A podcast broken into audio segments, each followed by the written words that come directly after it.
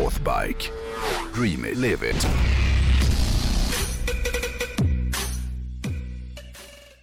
Idag tänkte jag snacka om en sak som jag har ägnat väldigt många timmar åt under jul och nyår.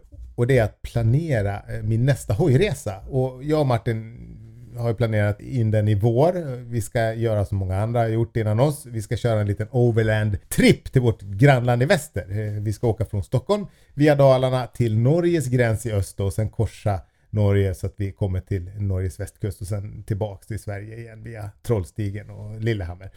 Eh, Och det är ju inget det är inte specifikt den här resan som jag ska snacka om, för den är ju inte så unik. Men jag tänkte belysa hur kul det är att planera en resa. Själva planerandet. Ja, ja. Och jag inser att många av våra lyssnare har ju mycket mer erfarenhet kring att planera hojtripper än vad jag har. Men, men du och jag har ju rest väldigt mycket ihop, framförallt med, med bil på olika roadtrips. Eh, och det är ju väldigt mycket som, som på, alltså en bra hojtripp och den med en gammal entusiastbil, de har ju väldigt mycket gemensamt. Ja. I hur man behöver tänka. Så jag tänker att jag, jag ska gå igenom några grejer som jag reflekterat över och kanske jag kan komma med ett och annat tips också. Ja, får, jag, får jag flika in här? Mm. eh, Som är en, liksom en liten eh, eh, en fråga. Mm. När du då sitter och planerar en hojtripp, Mm. varför planerar du? Jo men det är för att det är så kul. Det är det jag kommer att komma till. Ja, men det, men det, det är ju ena delen av Ja. det, att det är kul. Ja. Men planerar du liksom så här hur du ska packa väskorna för en eventuell punktering? Till exempel? Ja, men det, allt det här, det är precis det jag ska gå igenom. Ja, men, Ja. Men, men då blir min retoriska fråga Ja. lite det vi pratade om tidigare i podden. Ja. Att eh, det, när du planerar för en, en hojresa, Ja. då planerar du för allt som ska kunna hända och det är Ja. jättespännande och det är jätteroligt och du Mm, mm. skrattar när du gör det här. Ja. Men att planera för ett strömavbrott, då, då hånskrattar du. Ja, fast jag planerade inte efter worst case I scenario. rest my case. Nej, för det, grejen är skillnaden, den stora... Fortsätt uh, prata om din motorcykelresa. Ja. Ja, som jag sa, jag har ägnat en jävla massa tid åt att planera nästa resa. Ja. Och, och, och s- precis som, som jag sa, jag har inte gjort det för att det krävs speciellt mycket planering, utan för att jag tycker att det är väldigt, väldigt kul. Vissa tycker inte alls att det är kul att planera. Nej. Men för mig så är det ett, underbart sätt att få påbörja resan som jag längtar till redan nu. För när jag sitter där med mitt ruttplaneringsprogram i datorn och drar upp olika resvägar och, och sen läser på och ändrar och så får jag höra talas om någon annan väg eller någon sevärdhet som, som ligger i närheten om där vi ska köra och så ändrar jag rutten igen. Det är precis det som, som du med din prepping. Du preppar ju inte så jävla mycket för att du är livrädd för ryssen utan för att du tycker att det är kul. Det är precis på samma sätt jag gör här. Ja. Det krävs ju inte så mycket planering men det är väldigt, väldigt roligt. Och för när jag gör det här då, då spelas ju liksom en film upp i huvudet på mig av hur den här resan kommer bli, vilket ju är magiskt. Mm, ja, jag köper allt. Ja. Det är underbart. Ja, och, och det finns ju olika delar med det här förspelet som kåtar upp de här olika delarna i, av resdjävulen i mig då. Och det första som är så otroligt kul, det är att planera, eh, bestämma vad fan man ska åka. Eh, det kan ju också vara frustrerande, men jag tycker att det är en härlig frustration. Det bästa tycker jag är att man redan sista dagen på, på den senaste resan försöker komma på vart nästa tripp ska gå. För då slipper man ju lite av den här sorgen av att resan är över. För samma kväll som man kommer hem så kan man ju sätta sig ner och börja googla grejer inför nästa resa. Och sista kvällen när jag och, och Martin hade kört Vildmarksleden, då, då satt vi och snackade och drack lite eh, på Martins veranda i hans sommarstuga och blickade ut över sjön där. Och då bestämde vi oss att vi, vi skulle ta Norge nästa gång. Ja. Men när det kommer till att välja resa så tänker jag att för att det ska bli så bra som möjligt så, så ska man ju välja ett mål som dels lockar såklart men som också ligger inom ramarna för vad man klarar av. Ja. Jag kanske inte ska köra den här Manang Road i Nepal. Nej. Än. Ma- Man kanske också ska fundera på om hojen man, man ska köra på är lämpad för den typen av resa som man vill göra. Det är klart att allting går, men om man har tänkt att köra liksom mycket motorväg till exempel, då kanske inte en Honda Monkey är det bästa valet, om det nu är en sån man har. Ja. Och det leder mig in på, på nästa punkt som, som också kan vara bra att tänka på. Och det är ju hur långt man vill köra varje dag. Jag kan gilla att köra ganska långt varje dag, men samtidigt så jag är ju ingen Iron Butt-gubbe. Det finns ju en organisation som heter Iron Butt Association och de finns ju över hela världen och de har väl en avdelning även i Sverige och för att bli medlem i den så behöver man väl köra 1000 miles inom 24 timmar. Alltså att man ska köra 160 mil då, in, inom 24 timmar. Det är väl liksom någon form av minimum för att bli en Iron Butt-gubbe. Liksom. Men personligen så tycker jag att 50-60 mil om dagen är ganska lagom. För då finns det utrymme att göra små detours eller ta någon lite längre paus för att utforska något som man kanske stöter på under dagen. Iron Butt är ett väldigt bra namn. Ja, det är det. Det är precis så det känns när det blir riktigt långt. Men när vi körde upp till södra Lappland i somras, då vet jag att vi körde uppåt 70 mil någon dag. Och det är okej. men det, kan bli, det blir lite långtråkigt på slutet tycker jag. Men det är ju en smaksak. Sen kan det ju som sagt vara skönt att man även har tagit lite höjd för att någonting kan ju faktiskt hända under dagen. Tartas kedja gick ju av sist. Eh, Och just den dagen så hade vi inte riktigt tagit höjd för missöden vilket gjorde att vi kom fram väldigt, väldigt sent på natten eh, Aha. första dagen. Ehm, Då tycker jag att det är bättre att, komma fram i tid och få lite tid att sitta på kvällen och snacka om vad man har upplevt under dagen och umgås och sådär.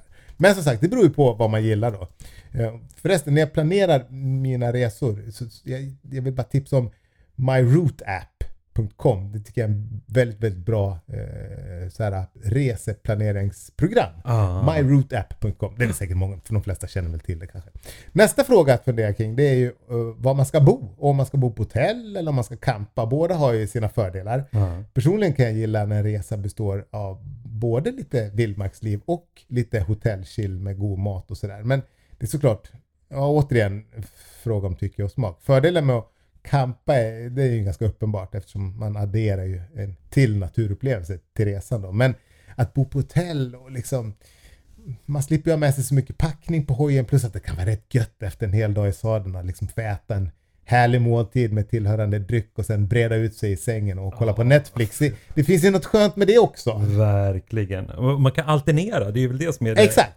det perfekta. Helst liksom. lite både och. Ja. Apropå mat då, så, är det en annan grej som, som kan vara bra att fundera över och det är ju vad man ska äta under dagen. Men även vad man ska tanka. Ja. För en hoj den har ju i bästa fall en tank som rymmer runt 20-25 liter vilket gör att du tar dig ungefär 40-50 mil. Eh, och ska man bara köra i närheten av civilisationen så är ju kanske inte det här något större problem. Men det finns ju de som gör betydligt mycket hårigare resor än vad jag gör och, och då behöver man ju faktiskt planera för bensin. Det är säkert att få soppatorsk och kanske behöva gå i en mil i hojkläder och boots när det är 25 grader varmt ute. Så där behöver man ju tänka till. Samtidigt så skulle du gå 22 mil till Dalarna. Jo, men det är ju om det är krig. I rest my case. Ja, när det kommer till, till mat då, Ja.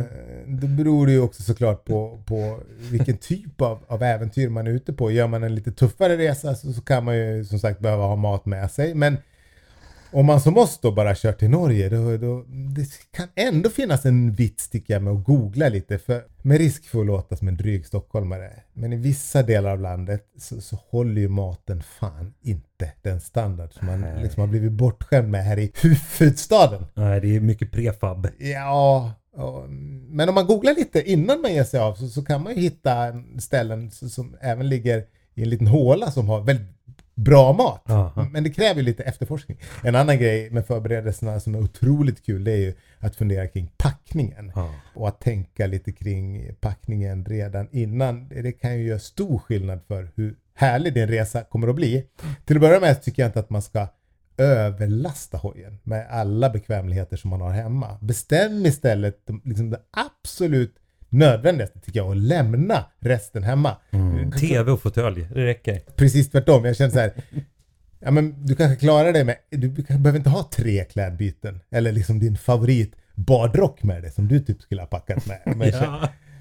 Spa-badrocken. jag försöker alltid ha så lite saker som möjligt med mig. Jag, Ja. jag tycker man ska låta resplanen diktera villkoren för vad, vad som är viktigt med att ha med sig. Om man campar då är det klart att man behöver ha med sig mer saker än om man ska bo på hotell varje natt. Så att eh, resplanen får diktera villkoren. Ja. Men det finns ju några grejer som ändå alltid är bra att ha med sig. En uppsättning regnkläder eh, som man enkelt kan stoppa undan, det är ett måste. Och en liten däckreparationssats tycker jag också att man ska ha. Och jag hade ju ingen sån tills för bara eh, några veckor sedan. Nej. Jag fick en sån av dig, jag blev så jävla glad ja, över det är det. väl en julklapp. Ja, Ja. och buntband såklart, det är en ovärderlig grej som man måste ha med sig. Och sen då en liten verktygsrulle eh, som jag också fick av dig. Det är, det är ett praktiskt måste känner jag. Ja. Eh, och plus lite snacks och något att dricka tycker jag också kan vara härligt att ha med sig. Mm. När du sen då har lagt ut alla dina grejer på golvet hemma och ska börja packa, då får man ju liksom se till att fördela vikten rätt också. så att hojen både ser snygg ut men framförallt också att den blir stabil. Tunga saker långt ner och så vidare och liksom lika mycket vikt på höger och vänster sida. Tänker du på motorcykeln lite ur ett vilda västern perspektiv? Att du lastar på Väldigt mycket. en häst? liksom. Väldigt mycket så. Nu ska jag resa till Ja. västkusten. Ja, så, så är, så, så är det. Mm. Eh, och om man eh, rullar in saker i en sån här dry bag och sen surrar den på sadeln eh, så då tycker jag att man ska dubbel, trippelkolla att den sitter fast ordentligt och att man, att den, man inte lastar för högt. För att en spännrem som lossnar på motorvägen, det kan ju bli jättetråkigt för den som ligger bakom. Speciellt om det är en kompis på hoj som ligger bakom. Ja, ja. Och, och, och, och inte packa för högt heller för vinden kan fa- fan ta tag i när det blir för högt lastat. Även om det är lätt liksom. Så. Eh, Och sista, och det som jag tycker är kanske det absolut roligaste, det är att köpa grejer till resan.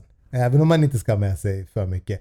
Och, men, men, och det är då man går in på northbike.se och bara frossar. För de har ju precis allting som man kan tänka sig inför eh, en, en hojresa, vare sig den är jorden runt eller bara en, en, över en helg. Liksom.